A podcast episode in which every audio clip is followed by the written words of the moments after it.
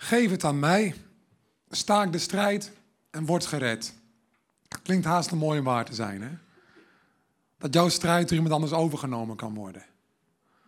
Iemand die te vertrouwen is, in het echte leven er echt is en die jou kan helpen. Het zou heel mooi zijn. Hè? Het zou heel mooi zijn. Maar iemand moet eerst je vertrouwen winnen. Tenminste, bij mij is het zo. Iemand moet zich eerst bewijzen, betrouwbaar blijken, aanwezig blijken, goed blijken, voordat ik die stap durf te zetten van loslaten. Toch? Even een verhaal. Zijn jullie beelddenkers? Sommigen? Ik ga je een verhaal vertellen, probeer het even voor je te zien. Ja? Sommige mensen zien het geloof namelijk op deze manier. Dit verhaaltje heet Een nieuwe relatie. Een man en een vrouw. Een man en een vrouw leren elkaar net kennen. En die vrouw heeft heel wat relaties gehad en heel wat beloftes gehoord in het verleden. Ze geeft het niet zo makkelijk meer gewonnen. Die is voorzichtig. Op een gegeven moment komt er een kerel voorbij in haar leven. Met zo'n mooie, stralende blik. Zo warm, zo vertrouwd op een of andere manier. Dat ze denkt, wauw, ik merk dat mijn hart weer sneller begint te kloppen. En die man heeft interesse in haar. Stelt haar vragen. Wil echt weten wie ze is. Ze lachen samen. Ze praten uren samen. Hij is heel geïnteresseerd. Eigenlijk haast in haar beleving te mooi om waar te zijn, zo'n kerel. Ze neemt hem mee naar haar favoriete plekjes en hij is geïnteresseerd. Hij neemt haar mee uit eten. Tijdens dat eten lachen ze samen onder de tafel, een beetje voetje vrij en zo. Ze zitten daar uren te praten. En ze hebben het heerlijk. Op een bepaald moment staat die man op van de tafel.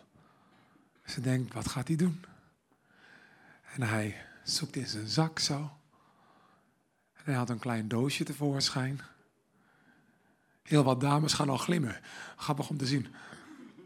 En in dat doosje zit een ring. Met een grote ja, diamant doen. Ja. Oké, oké. Diamant. Diamant. En hij gaat op zijn knieën. En zij zegt, oh, het gaat gewoon echt gebeuren.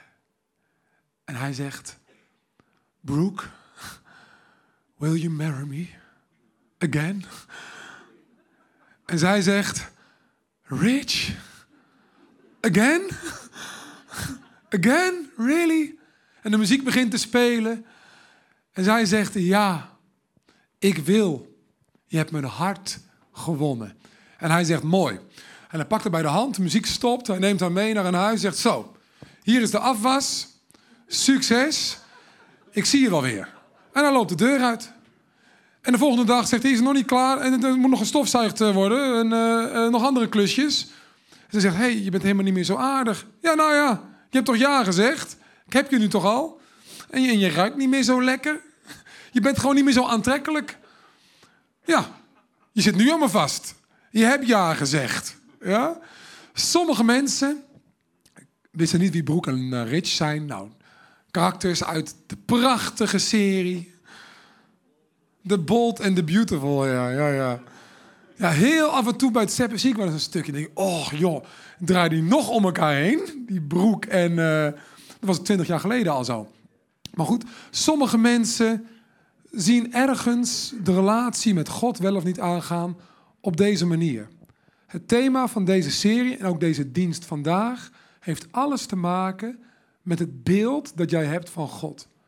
Er zijn veel mensen, ook in mijn familie en vriendenclub, die ergens het geloof wel aantrekkelijk vinden, maar ook wel te mooi om waar te zijn als ze erover horen.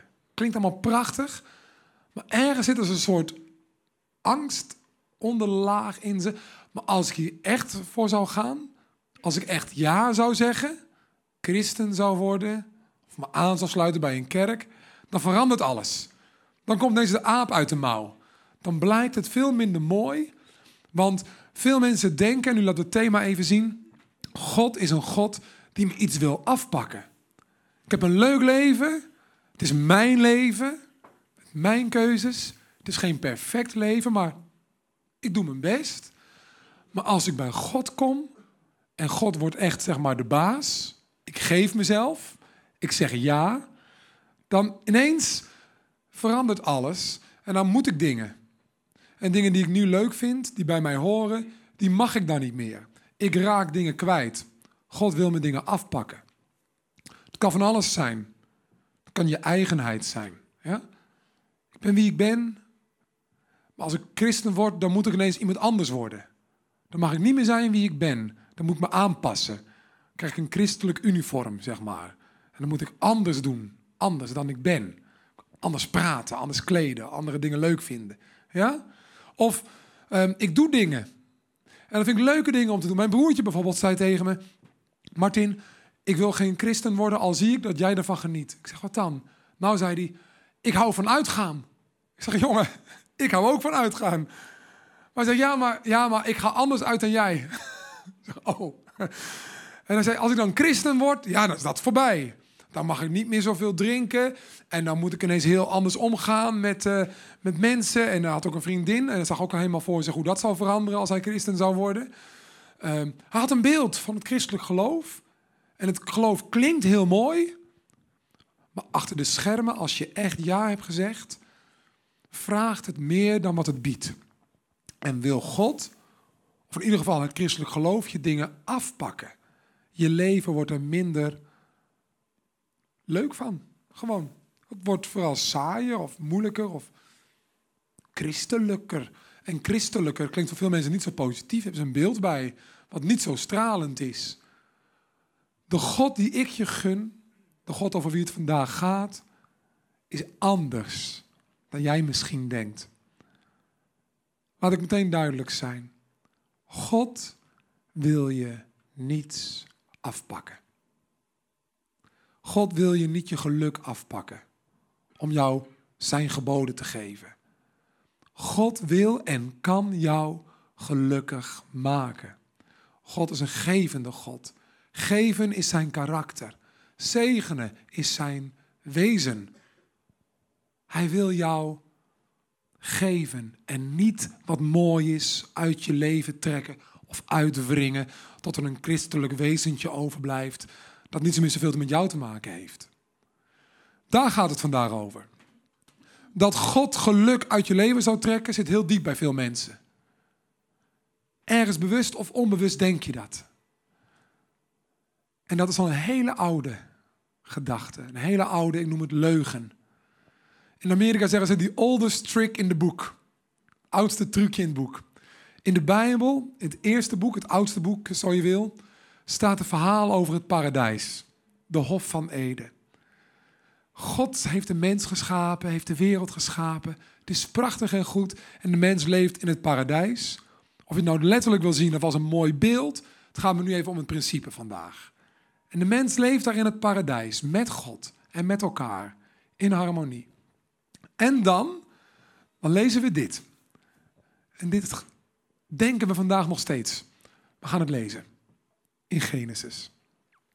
Van alle in het wild levende dieren die God de Heer gemaakt had, was de slang het sluwst. Dit dier vroeg aan de vrouw, en nu komt het, is het waar dat God gezegd heeft dat jullie van geen enkele boom in de tuin mogen eten? Met andere woorden, mag je niets? Geen enkele boom, geen één mag je van eten? Nou, het antwoord is nee, dat is niet waar. Dat is niet waar. God had gezegd in het verhaal: van al deze bomen mag je eten. Geniet hier. Leef. Wees blij. Wees gelukkig. Ik zegen je. Ja, geniet ervan. Maar er is één boom, daarvan wil ik je beschermen. Als je daarvan neemt, dan zul je sterven. Again zeg ik, het gaat mij nu niet om, moet je het nou letterlijk zien met een boom en dit en dat. Ik geloof dat alles zou, zou kunnen hoor. Maar het gaat me vooral om het principe nu. God geeft één regel ter bescherming. En de vijand van God, het beeld van het kwaad, hier als slang neergezet. Ja? De vijand van God, wat doet hij? Hij stelt een vraag aan die vrouw om wat te doen? Haar te laten twijfelen. Aan wat? Of ze mocht eten of niet? Nee, het gaat dieper. De twijfel gaat over, mag ik heel veel niet van God? Wil God ja, minder voor me maken? Mag ik van geen enkele boom eten? Is God beperkend? Heeft God een soort verborgen agenda? Lijkt het mooi, maar is het niet mooi? En dan zegt die vrouw: Nee, nee, nee, we mogen van alle bomen eten hoor, maar alleen van die ene boom, daar heeft God ons voor gewaarschuwd. Dat moeten we niet doen, want dat is niet goed voor ons. Nou, zegt die slang dan, als beeld van het kwaad, dat zegt God wel, maar dat zegt hij omdat hij bang is dat jullie te machtig worden als mensen. Want als jullie eten van die boom, dan worden jullie als God. En dat wil God niet. Hij wil je klein houden. Dan hoort hij wil over je heersen. En jullie mogen niet weten wat hij weet. God liegt. God is niet goed. God is niet te vertrouwen. Wat gebeurt er? Nou, die vrouw eet. En we krijgen een afstand tussen God en mensen vanaf dat moment. Maar die leugen, waar het even om ging, die merk ik nog steeds om me heen. Jij en ik en veel anderen zijn opgegroeid met het idee: vrijheid heb je zolang je je leven in je eigen handen houdt en niet uit handen geeft. En zeker niet aan geloof. Want geloof beperkt. Geloof vernauwt. Geloof maakt je een gevangene van God of zijn mensen, maar het is allebei even erg. Mens durft te leven. Toen ik op de theaterschool zat en daar tot geloof kwam in mijn eerste studiejaar, kwamen er echt docenten om me te waarschuwen. En die zeiden: Martin, je bent nu een vrije denker. Pas toch op, want nu krijg je christelijke oogkleppen op en je kan bepaalde dingen niet meer spelen en je mag dit niet en je mag niet meer dat dat. En ineens mag je alleen maar christelijke dingen doen. Blijf vrij. Word niet gekleurd en beperkt in je denken. Hou je open mind. Eigenlijk weer dezelfde gedachte. Dus als je christen wordt, gaat iets weg. Er wordt iets afgepakt. Je wordt vernauwd. Het is niet de waarheid. Het is niet de waarheid. Nu komt wat wel de waarheid is. Jezus komt duizenden jaren later naar de wereld toe. En wat komt hij doen? God presenteren. Jezus heeft gezegd: Als je wil weten wie God is, kijk dan naar mij. Wat ik zeg, wat ik doe. Dan zie je wat God wil en wie God is. En hij zegt dit, moet je horen. Wat je beeld ook is van geloven. Ik ben de deur naar God, dus ik geef toegang. Wanneer iemand door mij binnenkomt, zal hij gered worden. Hij zal in en uitlopen, dus je bent vrij in en uitlopen. En hij zal weidegrond vinden. Een dief. Een dief komt om te roven, om te slachten en te vernietigen. Een dief dat is net als de slang, dat is een beeld van het kwaad, de tegenstander van God. Maar ik ben gekomen om hun het leven te geven in al zijn volheid. Als dit waar is, dan is God heel anders dan jij ergens denkt, toch? Als God leven wil geven en niet een christelijk leventje waar je een beeld van hebt. Sommige mensen gaan al anders praten als ze christelijk zeggen. Ja, pad. Christelijk, angstig mens durft te leven, denken ze dan. Nee, ik ben gekomen om hun het leven te geven in al zijn volheid. God geeft leven. God is de schepper van het leven. God is de bron van al het goede. God is goed. God geeft drie soorten leven. En het eerste leven hebben jullie allemaal gehad. Noem maar even 1.0. Leven 1.0. Ja? Dat is, ik kan lopen, ik kan springen, ik leef. Ja? Ik zuig zuurstof in mijn longen. Mijn hart klopt. Ik leef, ik kan verliefd worden, ik kan iemand vasthouden. Uh, het is helemaal leuk als die ander het ook fijn vindt. Ik, ik, kan, uh, ja, ik kan het leven leven. Heerlijk, leven 1.0. Ja? Genieten. Want dat leven is een geschenk van God. God geeft je het leven. In de Bijbel staat dat God toen hij de mens schiep, toen blies hij de mens de levensadem in. En op dat moment werd de mens een levende ziel, een levend wezen.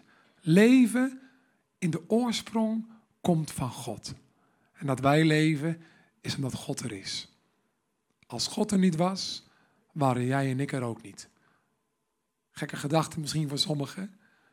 Maar dat is wat ik geloof, wat de Bijbel leert. Als God er niet was, was jij er ook niet. Want het leven, ook het leven waardoor jouw hart nu klopt, is uit voort, God voortgekomen. God is de bron van al het leven op aarde. Jouw hart klopt omdat God er is. Leven 1.0 is een geschenk. Vanochtend keek ik naar mijn zoontje en mijn dochter. Mijn dochter is één jaar en een maand. Ze zegt papa en ze zwaait. Papa, oh, dan gaat weer werken. En mijn zoon is vier, bijna. Hij is drie jaar, bijna vier. En ik kijk naar ze en ik geniet van ze. En dan zei ik tegen Suzanne vanochtend toen ik wegging. Oh, deze twee prachtige kinderen zijn ook gewoon uit ons voortgekomen. Uit onze liefde is nu dit. toen dacht ik daarna, nou, ja, we zijn wel ingeschakeld. Het was een mooie taak om betrokken te zijn bij de creatie van nieuw leven. Alleen, wij hebben Feline laten groeien in de buik van Suzanne. Wij hebben haar niet kunstig geweven. Wij zijn niet de auteurs van het leven. Wij bepalen niet of een nieuw leven is of niet. God geeft. God is de bron van het leven. Het is een geschenk. En zeker als mensen een keer dicht bij de dood zijn geweest, en sommigen van jullie zijn dat, ik ben niet de enige, dan zeg je wel eens, oh, dat ik dit nog mee mag maken. En zo is het ook. Leven is een geschenk. Leven 2.0 kwam Jezus ook geven. Leven 2.0 is een dieper leven waarin je ogen, je hele wezen open zijn gegaan voor de realiteit van God. De Bijbel heeft daar een woord voor, ik heb het wel vaker genoemd, wedergeboorte. Krijgt er een nieuw leven erbij. Wedergeboorte. Je leeft nog steeds en je blijft ook nog steeds jezelf. Wordt niet ineens een soort ploep, een soort engel. Je blijft gewoon wie je bent. Je wezen blijft hetzelfde. Alleen, er komt een hele dimensie bij. Je gaat zien wie God is. Je verlangens worden aangevuld en veranderd ook soms. Dingen die vroeger heel belangrijk waren, zijn ineens minder belangrijk. En dingen die je vroeger niet zo belangrijk vond, die kunnen meer gaan trekken. Je verandert, je verdiept, je leert God kennen. Leven 2.0 is een dieper leven met meer vreugde. En de zaken die bij God horen, en dat is niet in de eerste plaats de regeltjes en wetjes, die zijn gekomen omdat mensen van nature niet met God kunnen leven, lijkt het.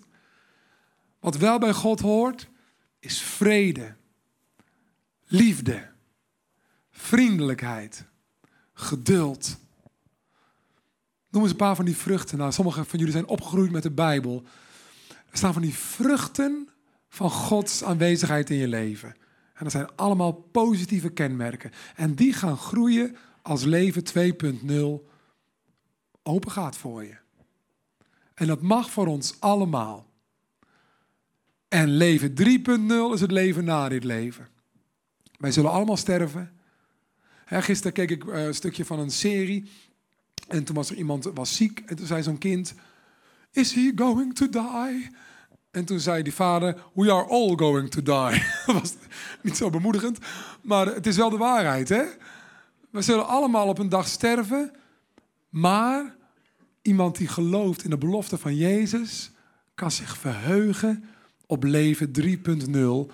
Dat het leven 1.0 en 2.0 in al het positieve nog kan overstijgen. Een eeuwig leven. Dicht bij God. Dat is leven 3.0. En God geeft het alle drie. 1.0, 2.0 en 3.0. Hij is de gever en niet de nemer of de uitwringer van je leven. Hij geeft je leven. We gaan een paar teksten lezen. Ik zal proberen uh, wat sneller doorheen te gaan. Laat de teksten een beetje voor zich spreken, omdat ze gaan over wie God is. Het eerste is deze, Psalm 139. Het is een heel oud lied, waarin iemand die God goed kende, David heet hij, dit schreef. Hij zegt, U was het die mijn nieren vormde, die mij weefde in de buik van mijn moeder. Ik loof u voor het ontzaglijke wonder van mijn bestaan. Wonderbaarlijk is wat u gemaakt hebt. Ik weet het tot in het diepst van mijn ziel. Toen ik in het verborgene gemaakt werd, kunstig geweven in de schoot van de aarde, was mijn wezen, wie ik echt ben, voor u geen geheim. Kennen jullie het lied van Treintje Oosterhuis, of eigenlijk haar vader, Huub Oosterhuis? Ken je mij? Sommigen wel, hè? Van ken je mij? Wie ken je dan? Weet jij mij beter dan ik? Ken je mij? Wie ben ik dan? Weet jij me beter dan ik? Nou, hier zegt David: U, God, heeft mij geschapen, mijn wezen kunstig geweven in de buik van mijn moeder. En mijn wezen is voor God geen geheim. Met andere woorden, het is voor God belangrijk. Sterker nog, God heeft ervoor gezorgd dat jij iemand bent die ik niet ben. Dat jij uniek bent. God wil unieke mensen. Die allemaal iets van Hem laten zien, van Zijn wezen, Zijn creativiteit. Dus je hoeft nooit bang te zijn dat als je een christen wordt die er echt voor gaat, dat dat juist van je afgenomen wordt. Jouw eigenheid. Wie jij bent. En sommigen zijn daar wel bang voor. Er was een vrouw die ik ooit sprak, die naar een alfa-cursus ging. Een soort beginnerscursus over het geloof. En dat tot geloof kwam. Maar er was één ding dat haar tegenhield. En dat was, ze was eindelijk wie ze altijd wilde zijn in haar beleving. Er was een kleurrijke vrouw, letterlijk en figuurlijk. Ze maakte haar eigen kleren met allerlei kleuren en zo. Zo'n creatief uh, type, zeg maar. Ze had een hele dominante vader gehad in haar leven. En die wilde vroeger altijd dat ze dingen deed die niet bij haar pasten. En dingen die ze goed kon, vond hij niet belangrijk. En dingen die ze niet goed kon, daar wees hij steeds op. Dus zij dacht, nou nu ik eindelijk daar vanaf ben... en mezelf durf te zijn met mijn ongebruikelijke kleren misschien... maar dit ben ik wel. Ik kijk wel uit voordat ik mezelf aan een geloof geef. Want voor ik het weet, komt er weer iemand naar mij toe die zegt: Dat vinden we een beetje over de top. Wil je even wat meer gepast? Of zo weet ik veel.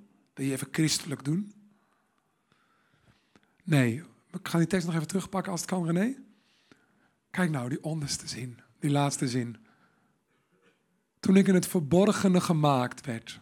Door wie? Door je ouders? Nee, God heeft je gemaakt. God heeft jou gemaakt. Je ouders hebben je misschien verwekt, maar God gaf het leven en God heeft jou gemaakt. Kunstige weven in de schoot van de aarde was mijn wezen voor u geen geheim. Dus u weet wie ik ben nog beter dan dat ik het zelf weet. En u wilt dat niet van mij afpakken, u wilt dat juist voeden. Bij u kan ik mezelf worden, zoals u mij heeft bedoeld. Bij u mag ik leren vrij zijn. Bij u mag ik leren niet meer zo onzeker te zijn over wie ik ben en wat andere mensen van mij willen. En hoe ik moet zijn van iedereen, of van de bladen, of van films, of onze cultuur. Nee, u weet wie ik echt ben. En door u te leren kennen en leven 2.0 in te gaan, word ik vrij van wat iedereen en alles op mij plakt. En mag ik worden wie ik echt ben. Is dat afpakken? Nee, dat is geven en bevrijden. Dat is geven en bevrijden. Dat wilde God doen. Ik zei dat ik het kort zou houden, hè? Nog twintig teksten. Um, nee hoor, nog drie. De volgende. De God die de wereld heeft gemaakt en alles wat er leeft. Hij die over de hemel en de aarde heerst, woont niet in door mensenhanden gemaakte tempels. Hij laat zich ook niet bedienen door mensenhanden alsof er nog iets is dat hij nodig heeft. Hij die zelf aan iedereen leven en adem en al het andere schenkt. Er zijn mannen die tegen me hebben gezegd: Ja, ik heb heel hard gewerkt voor wat ik nu allemaal heb. Dat is van mij. Daar heb ik voor geknokt. Dat is gewoon van mij en mijn gezin. En als ik christen word, dan komt er misschien ook weer een keer een God om de hoek kijken. Dan zegt: Nee, nee, nee, dat is niet van jou. Geef het aan mij. Of geef het maar aan de zending. Of geef het maar eh, in de collecte. Geef het maar weg. Want nu is het niet meer van jou, nu is het van mij. Ik pak het van je over. Ik kan het ook harder zeggen. Hè? Ik pak het van je af. Nou, laat me dit tegen je zeggen. God heeft helemaal niets nodig van wat ik heb of jij hebt. God heeft niks nodig. God komt niks tekort. Hij heeft jouw gift echt niet nodig. Echt niet. God had alles al toen hij nog niet geboren werd. En hij zou alles nog steeds hebben als jij gestorven bent. Dat geldt voor mij net zo. Hij heeft niks van je nodig. Hij heeft geen dubbele agenda. Sterker nog, alles wat jij denkt te hebben, is je geschonken. Die laatste zin. Hij laat zich niet bedienen door mensenhanden, alsof er nog iets is dat hij zelf nodig heeft. Hij die zelf, aan wie? Aan iedereen. Adem, leven en al het andere schenkt. Ja, maar ik heb gewerkt. Ja, maar met welke handen? Of met welk brein? Met welk talent? Ja, ja, ja, als we zo gaan beginnen. Ja, maar zo begint het ook. Daar begint het ook. Ja, ja, ja, hallo. Maar ik heb gestudeerd. Ik heb de kansen gepakt. Wie heeft je de kansen gegeven uiteindelijk? En zo, kan je alles terugredeneren naar de bron. God geeft je het leven met alles wat erbij hoort aan mogelijkheden. Dus niks is van jou. Met andere woorden, je zit er niet aan vast. Het is je gegeven en je mag ervan genieten en mee leven. Maar houd niet vast, want het is je gegeven. Het is je tijdelijk in je handen gelegd. Hij schenkt het je. God schenkt. God schenkt. Hij pakt niks af. Hoe zou hij iets kunnen afpakken wat al van hem is? Je hebt het tijdelijk in je handen gekregen, maar het is van hem. Alles is van hem. En hij is goed. Hij is goed. Kijk maar, de volgende. Elke goede gave, elk volmaakt geschenk komt van boven. Van de Vader van de hemel lichten. Bij hem is nooit enige verandering of verduistering waar te nemen. Waar zijn jullie nou heel blij mee? Waar ben jij heel blij mee? Ja? Moet je zeggen mijn vriend of mijn man. Je aanstaande man ben je heel blij mee, hè? Is er nog iets? Familie. Nou, dat is heel mooi. Ja, ik ben blij met mijn aanstaande man en, en, mijn familie. Uh, waar bent u heel blij mee?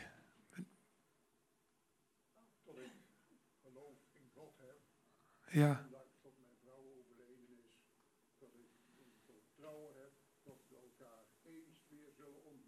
Amen.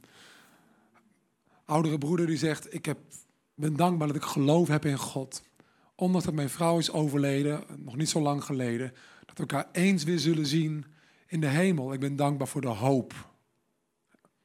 Geweldig. Wat wilde jij? Dacht ik jou bedoelde, hè, daarnaast. Wat wilde jij zeggen? Ben je nergens blij mee? Oh, dat zegt ze net of zo lief. Je hoeft niks in de basis. Dan komt Martin Brandt. Wat wilde jij? Hè? Wie ben jij eigenlijk? Ja. Nee, maar weet je, al het mooie. Als ik denk aan waar ik blij mee ben, denk ik gelijk aan mijn kinderen. Natuurlijk ook mijn vrouw. Maar kinderen is toch iets... iets een ander plekje in je hart. Hè? Mijn kinderen zie ik dan meteen voor me. Daar ben ik zo dankbaar voor. Alles wat goed is. Elk volmaakt geschenk heb ik van God ontvangen. En door zo te denken, als God de bron is van alles waar ik blij mee ben, dan wordt God ook voor mij een hele positieve uh, figuur met een hoofdletter in mijn leven. Niet degene waar ik bang voor moet zijn, maar degene die mij gezegend heeft. Dank u voor deze nieuwe morgen. Sommigen zijn ermee opgegroeid. Dank u voor deze nieuwe dag. Ja, geschenk. Dank u voor alle goede vrienden en mijn familie. Dank u voor mijn aanstaande man. ja, ja, dank u, dank u. Al het goede heb ik van u gekregen. Het is een geschenk. En wat ik ook zo mooi vind, deel 2 van die zin over God. Bij hem is nooit enige verandering of verduistering waar te nemen. Met andere woorden, hij was gisteren goed, En hij is vandaag goed. En hij zal morgen ook goed zijn. Dat is gaaf. Ik ben iemand die wel eens last kan hebben van onrust en angsten. Voor mij is dan zo'n zin. Bij hem is nooit enige verandering of verduistering waar te nemen. Dat hou vast. In Johannes staat het zo: God is licht, er is in hem geen spoor van duisternis. Als ik af en toe onrustig word, denk ik: U bent licht. En u bent bij me, u bent altijd dezelfde. God is goed. Ik ben niet bang voor God. Hij is goed. Hij zegent overvloedig. Dat betekent meer dan ik had verdiend. Veel meer dan ik had verdiend. Sommigen hier denken, ja, maar ik heb helemaal niet zoveel hoor. Ik heb vooral zorgen. Geeft God die ook? Nee, in dit leven hebben we zorgen. In het leven hebben we zorgen. En sommige mensen hebben extra zorg omdat ze geloven. Want het leven is soms ook ingewikkeld op bepaalde gebieden. Heus wel. Maar God is de bron van al het goede in ons leven. En als jij gebukt gaat onder een last. Ik zat vorige week met een man in een park. Die man die heeft een aantal uh, uh, uh, herseninfarctjes gehad. Kleine. Maar het is wel heftig als je dat overkomt. En daar was hij hele tijd over aan het praten. Logisch. Het hield hem bezig. Maar het houdt hem al maanden bezig. Terwijl we zo aan het praten waren, zaten we wel samen in het zonnetje. Op een terras. Met mooie kinderen om ons heen. Toen stelde ik een wel de vraag, en ik bedoelde dat niet ongevoelig, zijn er ook nog dingen waar we dankbaar voor kunnen zijn? Terwijl dit ook speelt, hè? dat speelt ook. Maar zijn er ook dingen waar we dankbaar voor kunnen zijn? Ja, heus wel, maar, uh, nee, maar daar mogen we ook op focussen soms. Tel je zegeningen en dank God ervoor als je in Hem gelooft. En als je niet in Hem gelooft, Stel je de vraag, wat nou als hij de bron is van al het goede in mijn leven? hij is misschien heel anders dan ik dacht. Hij is goed. Mijn laatste, laatste tekst. Leven 3.0, maar ook al een beetje 2.0. Het is zoals geschreven staat. Wat het oog niet heeft gezien. Wat het oor niet heeft gehoord. Wat in geen mensenhart is opgekomen. Dat heeft God bestemd voor wie hem lief heeft. God heeft ons dit geopenbaard door de geest. 2.0, ogen die opengaan. Want de geest doorgrondt alles, ook de diepten van God. Er staat er later in dat stuk, opdat wij zouden zien wat God ons in zijn goedheid geschonken heeft. Zodat we zouden zien wat ons al geschonken was. Op mijn twintigste werd ik christen, maar op mijn vijftiende werd ik al gezegend. Op mijn twintigste dankte ik God voor het eerst in mijn leven. Maar op mijn zestiende scheen de zon ook. Toen was God er ook al. God is de bron van al het goede in ons leven. Je hoeft niet bang voor Hem te zijn. Hij wil je niks afpakken. Hij wil je laten worden wie je echt bent. In vrijheid op laten groeien in een nieuw leven. Waarin je geluk zult vinden bij Hem en met andere mensen. is mooi, hè? Hij zegt, doe me denken aan een lied. Tel uw zegeningen, één voor één. Ja, ik moest ook aan denken. Tel je zegeningen één voor één. Die, hè? Tel ze al. Ook oh, niet te zingen. Oké, nee, dat was genoeg. Oké. ja, die. Ja, die. Ja, ja, die. We gaan ermee stoppen. Ik, uh, ik wil graag met jullie bidden. En mijn wens voor deze dienst is, en dat is ook voor deze hele serie dat angsten en vooroordelen die je op afstand houden van God, of van jezelf geven, meer, stap zetten, dat die plaats zullen maken voor nieuwsgierigheid naar wie zou die echt zijn. De God die ik je gun, wil je niets afpakken, maar zegent je al heel je leven. En zal er altijd zijn. Ja, ontdek wie hij echt is. Ik wil met jullie bidden. Daarna zing ik een liedje dat mijn vrouw geschreven heeft. Dat is ook wel leuk een keer. Het heet u bent zoveel meer. Het gaat niet over mij. Vader in de hemel, dank u wel dat u ons heeft geschapen. Kunstig geweven in de buik van onze moeders. Ons wezen is voor u geen geheim. U heeft ons uniek geschapen. U wil ons niet allemaal grijs inkleuren, maar we mogen zijn wie we zijn. Unieke mensen in uw gezin, U houdt zoveel van ons. Dank u wel daarvoor. Dank u wel dat de zon over ons allemaal is opgegaan vanmorgen. Of we u nou danken of nooit zullen danken, de zon heeft geschenen. U bent goed voor ons. Ik wil u bidden dat mensen met vooroordelen over u heroverwegen en dichterbij durven komen. Ik bid dat leven 2.0, een wedergeboorte, gaat gebeuren in ons leven. Dat we u zullen leren kennen en vertrouwen. En zullen proeven dat u goed bent. En dat u nooit zult veranderen. U bent en blijft dezelfde. Groot is uw trouw, altijd. In Jezus' naam. Amen.